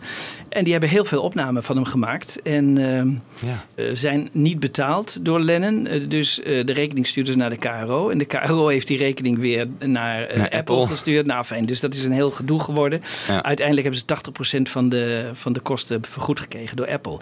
En de rechten liggen dan ook bij Yoko voor deel 2. En die, die film, John's Honeymoon, is dus in zijn totaal nog nooit eigenlijk te zien geweest. Is nu voor het eerst te zien in de Liverpool tentoonstelling eh, van John en Yoko. Oh ja, ja. En eh, dan kun je hem één keer per week bekijken. En dan eh, duurt het iets van 84 minuten of zo. En dan zie je hem dus in zijn totaal. Maar eh, deze film was eigenlijk nog nooit vertoond geweest. Dus vandaar dat Mark Lewison er ook in geïnteresseerd was. En we hebben dus waarschijnlijk het origineel nu. Want er zitten nog ook lassen in. Die, dus die film is geplakt hè, aan elkaar. Met, en, dus dat moet het origineel zijn. En dat is wel heel interessant. Dat, en hartstikke goed van Jan Hovers dat hij dat gered Dat heeft. Zeker. Ja, Ja. bijzonder. Dus misschien kunnen we daar binnenkort meer uit verwachten. Want dan zie je hem ook kijken naar bijvoorbeeld de Nederlandse televisie, naar Robbie Dale. Je ziet hem eh, Joko uitleggen. Dan kijken ze naar eh, dat eh, popmuziekprogramma van Robbie Dale. En daarin komt dan Paul McCartney en Mary Hopkins. En dan, sp- en dan zingt Mary Hopkins Goodbye. En dan legt eh, Lennon uit aan Joko dat het in de Trident Studios opgemaakt is. En dat het een speciale mix is en zo. Heel grappig. Allemaal Ah. En hij kijkt dus op een gegeven moment ook boven Amsterdam uit. En ziet dan alle lichtjes en doet dan de gordijnen dicht. En dan zingt hij Goodbye. En daar is dit Good stukje night, van. ja. Dus we- daar hadden we alleen nog paar, een beetje geluid van. En je ziet hem bijvoorbeeld ook in, op Schiphol. Dan gaat hij op de lopende band staan. En dan zie je hem in het vliegtuig. En dan schrijft hij een kaartje aan Julian. Heel erg lief. Dus een, een kaartje van, eh, van waarschijnlijk van het KLM-vliegtuig. En eh, een, een kaartje naar Julian Ja. van... eh, Maar het was ook wel het minste natuurlijk, want hij had volgens mij al een half jaar niet gezien. Oh, Zijn eigen zoon, toch? Ja, dat, Ja. ja, Het kaartje nog. Dan nog is het heel lief natuurlijk. Tuurlijk, Michiel. Jongens, we gaan eh, even kijken hoe dat eh, ochtendritueel bij hun eruit zag. Uh, could I have room service, please? John, toast? Just, um, what do you want coffee? Tea. Tea. Uh, uh, two teas, please. Uh, yeah, 902. Oh, and some toast, yes. Brown toast. Good morning, yes. Yeah, I know, and some toast. Brown toast, yeah. Thank you. Bye bye. Alright. Die brown toast kwam niet heel erg goed door, eh, Nee. volgens mij. Hè? Nee. Maar Matt van Hensbergen vertelde dus, de, cameraman, hij leeft nu helaas niet meer, hij is vorig jaar overleden. ehm, dat ze dit helemaal in scène hadden gezet. Hè, dus dat ze s ochtends, eh, want John is eerst uit bed gegaan, heeft die camera ploeg eh, erin gelaten, is weer Oh. in bed gaan liggen. En heeft net gedaan alsof hij aan het slapen was. En, eh, maar dat, het, op zich is het wel een leuk effect. En dat bellen is natuurlijk wel echt. Dat, Ja, dat, dat is ook eh, altijd wel echt roomservice bellen. Oké, nou ik zei het al, de fans hè, die aan bed mochten komen, vaak ook gewoon puur door bluff eh, naar boven geluld eigenlijk. Onder andere, ja, zij is in eh, andere tijden ook aan het woord geweest en tien jaar daarvoor ook al, dus eh, toen heb ik haar ook gesproken. Constans Vrijdags. En eenmaal binnen zie ik een bord met liften en ren naar de liften. En op dat moment kwam de portier tussen de deuren en die zei: Waar gaan wij naartoe? En ik zei: Ik ben van de Nederlandse Beatle fanclub en ik wil John en Joko feliciteren met hun huwelijk. John zat rechts en Joko zat links. En John die zei: Welcome, come and sit down. En tikte met zijn hand op het bed. Dus, daar zat ik. Daarna eh, bood John me een sigaret aan. En die nam ik aan en die gooide ik in mijn tas. En pakte een sigaret van mezelf. Daar moest John vreselijk op lachen. Bijzonder verhaal ook weer. Vaak verteld ook door haar. Hè? Ik heb haar. eh, Ja, ze is niet dwars van publiciteit. Nee, nee. Nou ja. Maar leuk, Goed. leuk, Ja, hartstikke leuk. Maar zij, zij doet het dus, dus voor als, als, als lid van de Beatles fanclub, maar dat is zij niet. Nee. nee. Ja, ze is wel lid van die Beatle fanclub. Maar eh, als Har van Vulpen dan eh, op die zaterdag komt... Ja, die, wordt, die krijgt dan de grootste moeilijkheden. Ja, de Beatle fanclub is al geweest. Ja, weet je dat wel. was zij. Dus, ja, dat, eh, Laten we Har inderdaad ook even aan het woord. Eh, hoe belandde ik op het bed? Ja, natuurlijk als, als voorzitter van de Nederlandse Beatle fanclub. Alleen het probleem was, dat mocht helemaal niet. Want hij wilde niet over muziek of over de Beatles praten. Hij wilde over de vrede praten. En wat heb jij toen gedaan? Nou, de fanclub, wat heb ik gedaan? Op eh, de, platenmaatschappij die dit allemaal regelde, belde ons opeens op. En die zei, nou, we hebben een oplossing. Er komen zaterdagmiddag schoolkranten en doe maar net of je een schoolkrant bent. En dan kun je erbij. Zo zijn we dus daar naartoe gegaan als schoolkrantredactie. En uiteindelijk, eh, toen het, want, want eh, het idee was steeds dat er 30 mensen tegelijk aan zijn bed zaten, hè? journalisten en zo. Toen de sessie afgelopen was en de schoolkrantredacties weggingen, toen hebben wij een beetje getreuzeld. Zijn uiteindelijk toch op zijn bed gaan zitten en gezegd, nou ja, we zijn van de fanclub. En eh, wat, nou, dat vond hij fantastisch. Want Maar wie zei dan dat hij daar helemaal niet over wilde praten? ja, dat zei de platenmaatschappij. Nou ja, hij had zelf, dat is wel waar. Hij wilde niet over de Beatles praten, hij wilde niet over muziek praten, hij wilde over vrede praten. En de platenmaatschappij had toen verzonnen, kennelijk, dat een fanclub niet over vrede kan praten, maar alleen over muziek en over de Beatles. Dus daarom eh, moesten we naar binnen gesmokkeld worden. Want daarom zeg ik, toen we uiteindelijk zeiden we zijn van de fanclub, nou, toen, eh, de stemming in de Kamer was sowieso heel erg leuk en vrolijk en... En eh, ja, vrede natuurlijk. Dat hij het heel leuk vond en ook het fanclubblad gesigneerd heeft en dergelijke. Dus eh, Ja, Har van Vulpen. Die dus eigenlijk door eh, dat Constance eh, eerder in de week eh, Ja. naar boven mocht. zich uit voordeed als de voorzitter. Waardoor de echte voorzitter niet mocht komen. Ja. Maar uiteindelijk wel gelukt is. Dus, ja, ja. omdat hij met de schoolkranten mee mocht. een van die schoolkranten is trouwens Irene Beijer. Zegt die naam jou wat? Nee. Die heb ik eh, tien jaar geleden ook gesproken. Nou, wij stonden al heel erg lang eh, buiten te, te, eigenlijk te zeuren. En op een gegeven moment zeiden dat we een, eh, stuk wilden schrijven voor de schoolkrant. En op een gegeven moment mochten wij naar binnen. Dat was heel vreselijk spannend. En volgens mij hebben we ook helemaal niks gezegd, alleen met open mond zitten kijken. En zaten we aan het bed, dus. Met nog meer mensen die voor de schoolkrant stukjes zouden gaan schrijven. Dus het was destijds zo dat de schoolkrant gewoon naar binnen mocht. Ja, we- er werden, op een gegeven moment werden er jonge mensen uitgenodigd voor de, van de schoolkrantredacties. En, en dat was per ongeluk, want wij stonden hier gewoon. Dus wij deden net alsof we echt van de schoolkrant waren, volgens mij. En we mochten naar boven en eh, nou ja, we mochten je- aan het bed zitten. Veel gevraagd hebben we niet. Nee, dat zie je ook in die film, hè, in Bed with Johnny, of John's Honeymoon. Dan zie je ze dus allemaal zitten en John houdt daar hele exposés over vrede en dingen. Maar die, die kinderen zijn helemaal niet geïnteresseerd. Die willen alleen maar een handtekening eigenlijk. ja, dit is echt... eh, ja. Maar eh, dat zie je dus aan het eind werden meer mensen toegelaten. Hè, want dan, dan loopt het al op zijn eind. Dat is het laatste weekend. Ja, ja, precies. Wat ik nog tegenkwam is op zich wel een grappig verhaal van eh, de zoon van parooljournalist Emmy Little Huff. Dat kwam, die naam kwam ik ook tegen in jouw boek. Die eh, was toen destijds elf jaar en heeft zijn verhaal ook eh, gedaan. Mijn moeder was het type vrouw die zei... ja, maar dan moet mijn zoontje mee, want die is gek van de Beatles. en eh, die heeft me gewoon van school gehaald om mee naar het Hilton te gaan.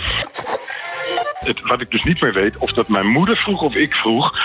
of hij een handtekening wilde zetten. En eigenlijk, ik denk dat mijn moeder vroeg... want die zei gewoon van ja, hij wil er een heleboel hebben voor zijn schoolvriendjes.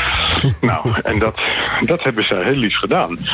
Een stuk of tien, denk ik. Eh, ik dacht twintig, maar het blijkt er, ik, ik las laatst een stuk waarin stond dat het er tien waren. En die heb ik natuurlijk allemaal verkocht voor een gulden. En hij heeft mij een... hij heeft voor mij een A4'tje gemaakt. Ja, handel. Hij heeft voor mij een A4'tje gemaakt met een postertje erop. Echt, nou, die is in de loop der tijd in het ongereden geraakt. Nee. Maar ja, dat gebeurt natuurlijk in het leven. Maar toen, en mijn handtekening was ik ook kwijt. Maar toen mijn moeder overleed, zo'n drie decennia geleden, moest ik wel de hele boekenkast door, omdat ze heel veel bekende mensen had geïnterviewd en gezien. En toen kwam ik dus ook in een gedichtenbundeltje. Het kaartje. Zij had kaartjes meegenomen, een soort Rolodex kaartjes. Echt heel, heel slim. Die ze, waar ze tien handtekeningen op hebben gezet. En, in, en zij had een speciale voor zichzelf met het hele tekeningetje erop. Dat bekende tekeningetje van hem met dat brilletje en Joko En dit Ono haar. ernaast. En het is het bekende tekeningetje. Ja. En die wa- was vastgeniet in dat dichtbundeltje. Dus ik dacht, mooi, die heb ik weer. Ja, dat was eh, ook op zich wel weer een bijzonder verhaal. Ja. Ja, dan is er op een gegeven moment ook, dat vind ik het meest vage bezoek eigenlijk dat er is geweest, eh, Jan Kees. Ik denk wel dat je weet wat ik eh, bedoel. Is dat hele, ehm, die, die vlinderopera. Kan je een beetje vertellen wat dat nou was? Want het was een soort eh, ja, arty-farty beweging. Die, de provo's eigenlijk, toch? Ja, ja, dat was een beetje door Cor Jaring ook eh, geregeld. Die, die had eh, goede contacten met die jongens. Die, die, die zaten in zo'n eh, in zo'n dorpje in de buurt tussen Haarlem en Amsterdam. En dat was een hele artistieke commune eigenlijk. En die, die hadden de vlinderbeweging. En, en dat was eigenlijk een soort vo- voorloper eigenlijk van, van de groene beweging nu. Tegen luchtvervuiling en alles. En die wilde John en Yoko ook wel graag zien. Want die hadden ook een alternatief orkest samengesteld met muziek. Nou, John eh, vond het, eh, dat soort dingen vond hij altijd natuurlijk heel erg leuk. Hè? Dus eh, hij heeft ze allemaal uitgenodigd. Er zijn ook foto's van dat hij zo'n speciaal deken krijgt met, met een grote vlinder daarop gestikt. En die legt hij dan over, over het bed heen. Hij heeft dan ook net die, die, die, die witte fiets gekregen. Die wordt er nog bijgezet. Dus eh, ja, dat was een soort alternatieve beweging. En die, daar heeft Cor Jaring prachtige foto's van gemaakt. Ja, klopt. Ja. Laten we hem even kort eh, aan het woord. Nou, wij kwamen ze dus eh, hier in Obade brengen met de vlinderopera. Dus dat vlindertje stond voor ons symbool. En daar hadden we boeren of aan mensen die niet zo goed hun best deden... een zilveren vlinder. En voor mensen die perfect waren, die een lijntje en een slootje goed onderhouden waren... gaven we de gouden vlinder. Ja. En omdat hij en hun van de Beatles waren...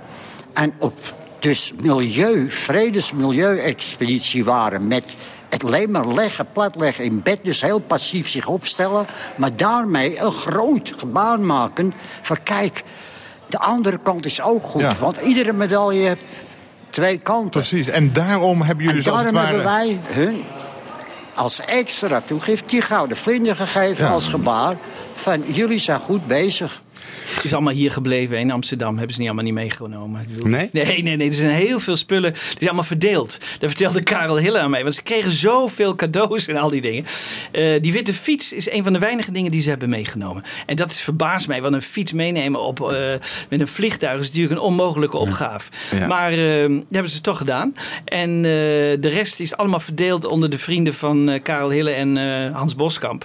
En die, ja, die zijn overal naartoe gegaan. Ze kregen hele bijzondere apparaten. En al, ze kregen de meest gekke dingen kregen ze aangeboden. En eh, Was dat later in Montreal ook zo trouwens? Dat ze van alles kregen, ook cadeaus? Of, dat weet ik eigenlijk Nee. niet. Daar heb ik me nooit zo in die kleden en zo, hè? dat kreeg ze toch wel? Zo'n Yellow Submarine kleed. Was dat in Amsterdam of in Montreal? Nee, dat was in eh, Montreal, Oh, denk ja. ik hoor. Ja, Ja. ja.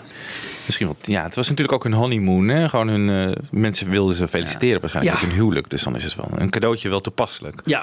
Maar zo zie je ook wel gebeuren wat Mark Lewison ook vertelde vanochtend. Van, ik denk, hij- die was hij ook, was hij ook van. Ik was, ben overtuigd van, van de, ja, de geslaagdheid van de boodschap. En ook de manier waarop hij het wil brengen. Maar hij heeft onderschat wat mensen ermee gaan doen. Die zien toch alleen maar een paar, paar gekken in een bed liggen. Zeg maar. Ja. Dat is gewoon de boodschap die dan in de media beklijft. En die ook bij, kennelijk, die, ja, die nemen natuurlijk ook niet weg. Als je allemaal mensen gaat uitnodigen die daar cadeautjes gaan uitdelen. Ja, weet je, dat heeft allemaal. eh, Ja. ja. Daar is Ja. hij natuurlijk ook niet streng in geweest. En dat, eh, dat, dat geeft er een beetje weer van... ja, je komt eigenlijk gewoon eh, je, ja, je huwelijk dan maar vieren in een bed. En daar hangt dan een bordje vrede bij. Ja, god, eh, wat heeft het eigenlijk om het lijf? Weet je wel? Ja, ja. klopt wel. Ja. Op die zaterdag, ehm, dus eigenlijk, zij gaan die, eh, die maandagochtend weg. Hè? En de zaterdag is de ene laatste dag dat ze ook mensen aan het bed ontvangen. Eh, die avond hoort John de radio song van de Buffoons eh, op de televisie.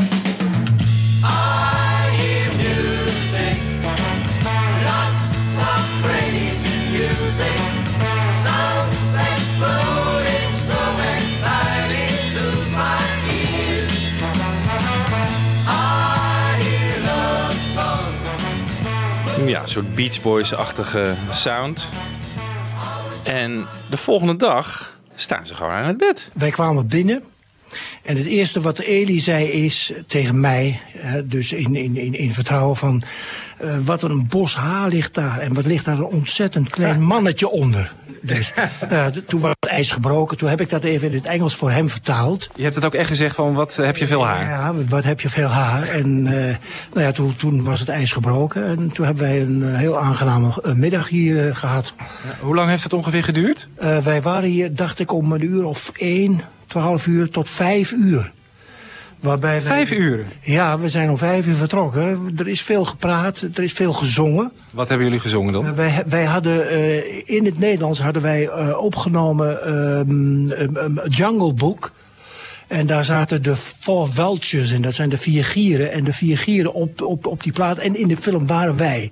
En wij staken dus a cappella, staken wij met eh, blijf toch hier, enzovoort, enzovoort. En dat vond hij prachtig. En dat draaide uiteindelijk draaide dat erop uit dat hij ook, eh, ook, ook zich daarin mengde, in het gezang. Ja, dus als je echt vijf uren met hem doorbrengt, dan eh, was hij dus wel erg op jullie gesteld blijkbaar. Is hij ook, eh, heeft ook zijn er voorstellen geweest om een keer te gaan samenwerken? Hij heeft het, dat, dat, dat, wat wij aan het zingen waren, dat heeft hij opgenomen. En eh, hij had toen al zo'n bandrecordertje, zo'n tape met een microfoontje ingeboot. Dat was iets nieuws. En dat was hij aan het opnemen. En op dat laat zat hij daar zelf in mee te zingen. Heb je dat ooit nog weer teruggehoord? Nee, jammer genoeg niet. Moet misschien ergens in de archieven van Joko. Ik eh, denk eh, dat ik maar Joko eens een keer moet bellen. Tja, leuk verhaal. Ja. Maar eh, hoe ging dat? Want hij zag ze. Was hij onder de indruk of was het meer van eh, dat Boskamp dacht: hey, dit is een EMI-artiest? Ja, was ook, ook. Maar John zei wel van, hé, hey, wat leuke muziek. Kan ik die mensen niet eens ontmoeten? En toen heeft Boskamp gelijk gedacht, oh, dat is publiciteit. Dus dat Ja. regel ik wel. Hetzelfde platenmaatschappij. Dus ik kwam uit Enschede de volgende dag eh, over. En toen was er ook, waren er waarschijnlijk ook bijna niet meer mensen die, eh, die nog bij hen op bezoek kwamen. hè. Want het was de laatste dag. Eh, Marianne de Molenaar kwam nog om vijf uur. Dat was de allerlaatste. En toen was het echt afgelopen. Was het afgelopen? Ja, het was afgelopen. En toen gingen ze naar bed en dan was het de volgende ochtend eh, naar Ja. Wenen. Ja, en toen heeft dus de dame die de, de kamer schoonmaakte, die heeft alle posters van John met de vuilnis weggegooid. En dat is echt natuurlijk, dat moet je je voorstellen. eh, jullie kennen eh, die posters achter hun bed, hè? Bedpiece, hairpiece. Ja. Nou, daarvan die twee hebben ze meegenomen. Maar die eerste twee, die lagen daar nog. En hij heeft allerlei eh, I Love Yoko. En eh, hij had allerlei posters gemaakt. Hè? Die, die, oh, oh, Tekeningen, ja, tekeningen. ja, precies, ja. Andere, en die heeft zij allemaal één voor één weggegooid. Terwijl, je moet je voorstellen, die, eh, die ene van eh, die is eh, een paar jaar geleden, dat kun je op internet zien... voor 100.000 euro verkocht. Hè? Dus die, ja, die, die John zelf heeft gemaakt, die iconisch. Dus voor, zij heeft natuurlijk voor een vermogen daar weggegooid. Dus ik wilde haar heel graag vinden, maar zij is weer teruggegaan naar Portugal. En ja, het was onmogelijk te Was dat diezelfde eh, schoonmaakster die op die foto staat? Dat John uit zijn bed is. En, Ja. eh, zij Maria. Theresa, ja, ja, Ja. ja, ja, ja. Ja, ja dit, god, dat is echt, is natuurlijk verschrikkelijk. Ja. Maar wat, die- moet, wat moet je vragen aan zo iemand dan als je haar zou vinden? Nou ja, of ze zich ooit bewust, ze bewust is geweest. heeft. En, ja, en of ze er nog iets van weet. Ik bedoel, al die mensen, al hebben ze maar heel weinig woorden natuurlijk. is altijd Ja. leuk, hè. Maar eh, die had ik wel heel graag gesproken. Net als, Dat snap eh, ik, ja. net als John de Roy. Ja, ja nee, dat, dat- sommige mensen waren al dood, tien jaar geleden ook al. Dus die waren niet meer. Donald Sack was eigenlijk ook niet meer te spreken. Dus dat is wel jammer. Want, Die eh, leeft nog wel, hè? Hij is 100 geworden. ja, maar ja, week. zoiets. Maar hij is heel slecht. eh, Ja. Zijn kinderen schermden hem een be- beetje af. Dus Hm. dat is wel heel jammer. Ja, maar eh, en ze hebben de rekening niet betaald, hè, ook niet. Dus, eh, en en eh, Boskamp kwam later nog met een rekening van 5000 gulden aanzetten. Want ja, die heeft dus die heeft allemaal betaald dat ze met z'n allen naar het vliegtuig konden, naar Wenen, naar het Sacherhotel. Dat waren natuurlijk enorme kosten. Maar ik denk dat, dat EMI Bovema hier in Nederland dat gewoon aftrok van de eerstvolgende LP of eh, van de Beatles. hè. Ja, precies, dan, zo werkte eh, dat. En dan was het weer Ja. eh, vereffend natuurlijk. Dus, Of van de royalties van de wedding album. Helemaal. Ja, overigens, het is wel grappig, hè, want eh, John en Joko hebben dus alles opgenomen op cassette. Hè? En ehm, ze hadden een cassette recorder. En als je bij Mark Lewison in het boek kijkt, Recording History, dan zie je al in 1965 dat zij van Philips de eerste cassette recorder krijgen. En dan nemen ze hun eigen nummers op. Ik denk dat dat nog diezelfde cassette recorder is, waar die ook eh, heel veel demo's en zo mee heeft opgenomen. En die cassette recorder, die, eh, die gebruikten ze dus om de hele dag op te nemen. En nu wil volgend jaar een nieuw museum in Amsterdam wil een grote tentoonstelling organiseren over de bed in. Is wel, wel 51 jaar later, maar ze willen het graag doen. In samenhang met Montreal, die dat ook gaat doen. En dan eh, mogen ze eh, aan Joko eh, voorwerpen aanvragen. Joko zegt niet wat ze in haar bezit heeft, maar als jij iets aanvraagt, hebben ze mij verteld, dan kunnen ze het krijgen. Dus, maar dan moet je het wel weten dat ze hebben. Dus ik zei tegen hun, nou, vraag in ieder geval al die cassettes aan die ze in Amsterdam hebben opgenomen. Dan zou je ze kunnen laten zien en je zou ze misschien ten gehore kunnen brengen. Want dat is natuurlijk heel interessant materiaal. Als we dat hebben, dan, eh, dan, dan hoor je nog veel meer. Want John heeft daar een selectie uitgemaakt voor de wedding album. Ja. Maar eh, eh, er staat natuurlijk veel meer op. Is dat hier, want ik zie hier jouw boekje en er ligt inderdaad zo'n Ja, cassette dat op, is die cassette recorder. op, eh, op Ja. een bed. Ja, dat is die cassette recorder. Ja. Die zie je altijd op heel veel foto's zie je die liggen. En eh, wat die, die buffoons hadden het er net over. Hè? Die, dat, zij zeggen, het is ons ook opgenomen. En, en in 9, moet je je voorstellen, in 69 was het nog eigenlijk heel modern. Een cassette recorder met een microfoontje. Terwijl zij al vier jaar daarvoor hadden ze al een proefexemplaar van Philips gekregen. Ja. Dan moet je je voorstellen, dat was toen helemaal revolutionair. Ja. Dus eh, John heeft veel eh, op die cassette recorder later ook nog opgenomen in...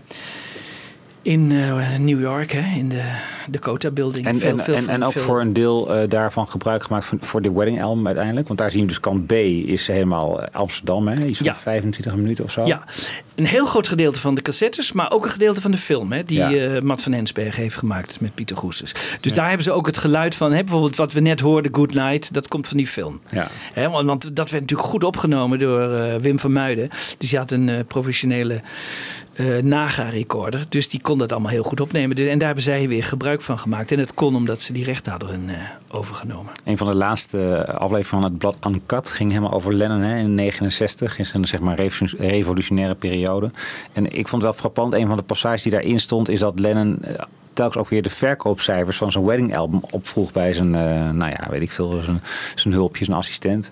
En eh, nou, die vielen heel erg tegen en daar baalde hij dan heel erg van. Hè? Dus, dat, dat, dat, Hij ken ik toch had verwacht met zijn bekendheid dat het eh, een miljoenen publiek zou bereiken. Maar dat, dat is met dat album natuurlijk. Nou ja, jullie hebben misschien gebeurd. gehoord, maar dat is natuurlijk. Ja, het is niks. Ja, het is Nee. jammer. Het is, Het is kant A is een beetje ja, die, dat, dat, dat hard, hard geklop en zo. En, dan, en kant B, het begint ook zo erg. Hè, met, met, met Joko die dat aanhoudende gekrijs. Ja, het is vreselijk. Later, later eh, gaat hij wel op kant B ook inderdaad wat meer vertellen over de bedoeling achter de bed-ins. En eh, komt ook, eh, dat Good Night zit er ook op, toch? Ja, ja. ja. dat we dat aan het begin hoorden van deze uitzending. Ja. En pas helemaal opnieuw uitgebracht, hè? Ja. Door Sean Ja. en, en consorten. Wel mooi. Ik bedoel, het ziet er heel mooi uit. Allemaal prachtig. Maar Zeker. ik weet niet of het een groot publiek zal bereiken. En John gaat een tweede bed inhouden. Eerst wil hij proberen dat op de Bahama's te doen. En daar is het veel te warm, geloof ik. En eh, veel te ver weg van eh, Amerika. Want dat was eigenlijk een beetje zijn bedoeling. Hè, om, eh, dat hij Amerika niet in mocht. Om toch een beetje in de buurt een bed in eh, te organiseren. Dus die is daarna één nacht is hij weggegaan. Toen zijn ze naar Toronto gegaan. Ook volgens mij één nacht. En daarna werd het eh, Montreal. En dan spreken we over 26 mei. En eh, ja, Kyoko is daar geloof ik ook bij. Ja. Ja. Wat, Lennon heeft er zelf over gezegd dat hij een heel ander soort bed in vond. Hè? Hij zegt Ja. echt van, they were completely different, eh, Amsterdam en Montreal. Amsterdam was romantic because it was the honeymoon. Montreal was much tougher and more like hard work because there, was, there were a lot of Americans there and the pressure was much greater. Dus je krijgt inderdaad, eh, het wordt veel meer politiek geladen, die, die Ja. bed in, in, in, in, in, eh, in Montreal.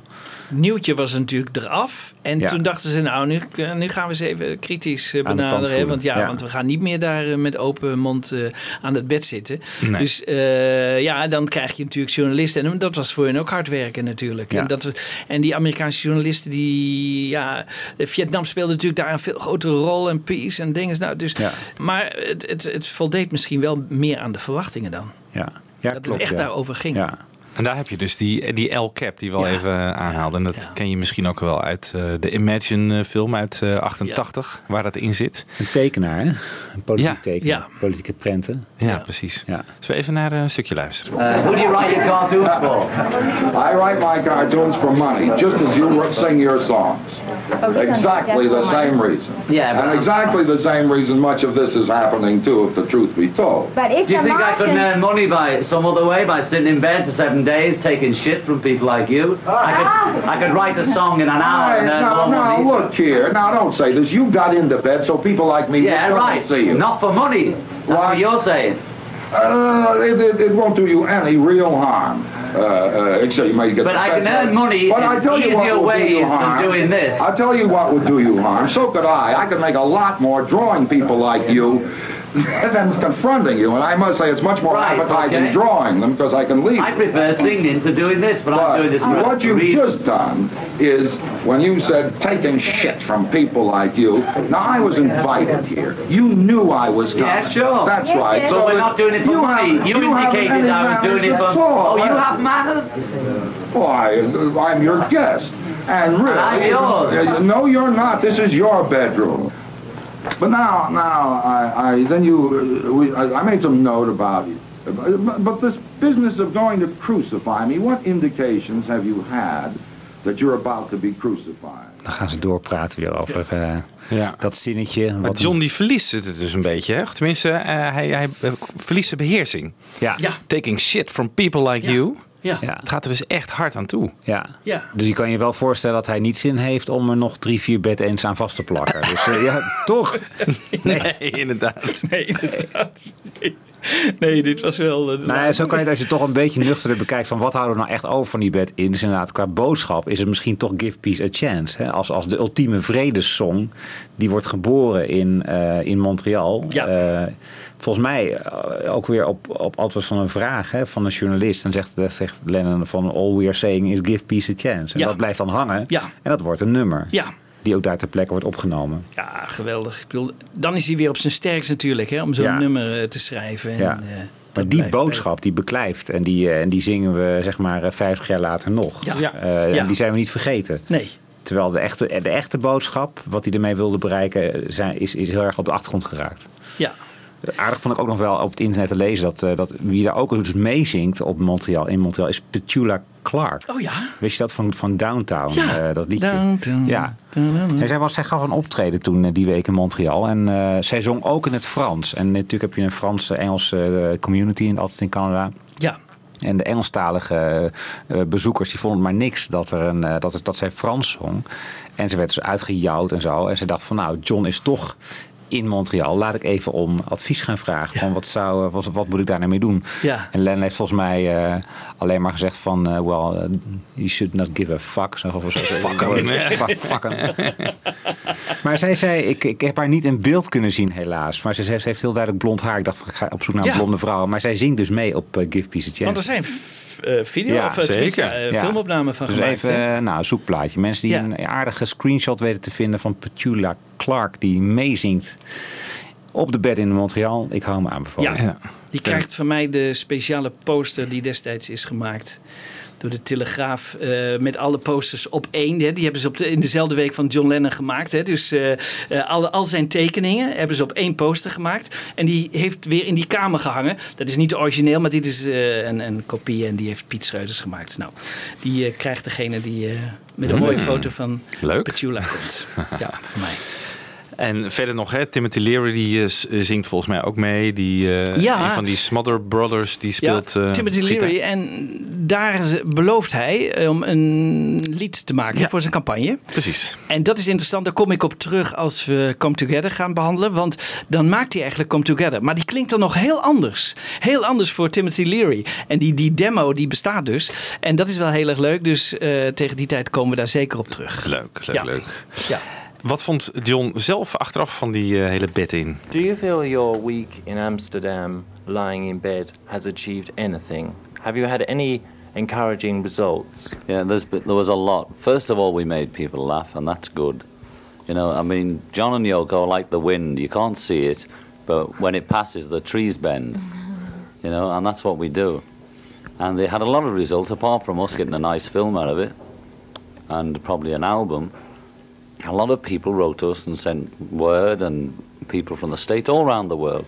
And just instances like some guy wrote and said, Now, because of your event in Amsterdam, I'm not joining the RAF and I'm growing my hair. Now, all we were saying there, symbolically, instead of uh, kicking a shop window in, say, do something like grow your hair for peace. Like the, even the guy in the factory who's grown won't cut his hair. He's doing it for peace, whether he knows it or not. You know, he's protesting without. They have no moral or and no reason can they get him for having long hair. You know about going in the cake and all that.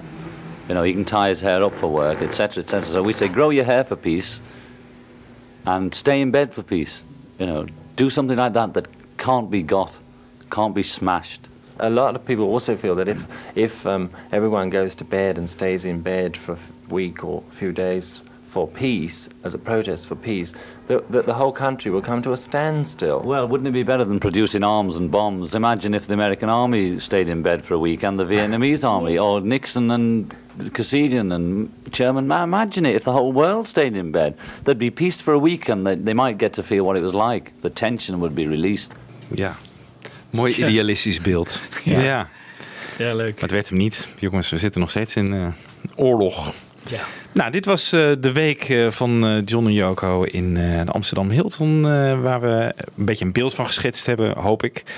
En eh, laten we besluiten met eh, Give Peace a Chance. Niet opgenomen in Amsterdam, maar in Montreal dus. Maar toch wel het nummer eigenlijk dat bij deze hele Peace-campagne hoort. Tot de volgende keer. Two, one, two, three, four.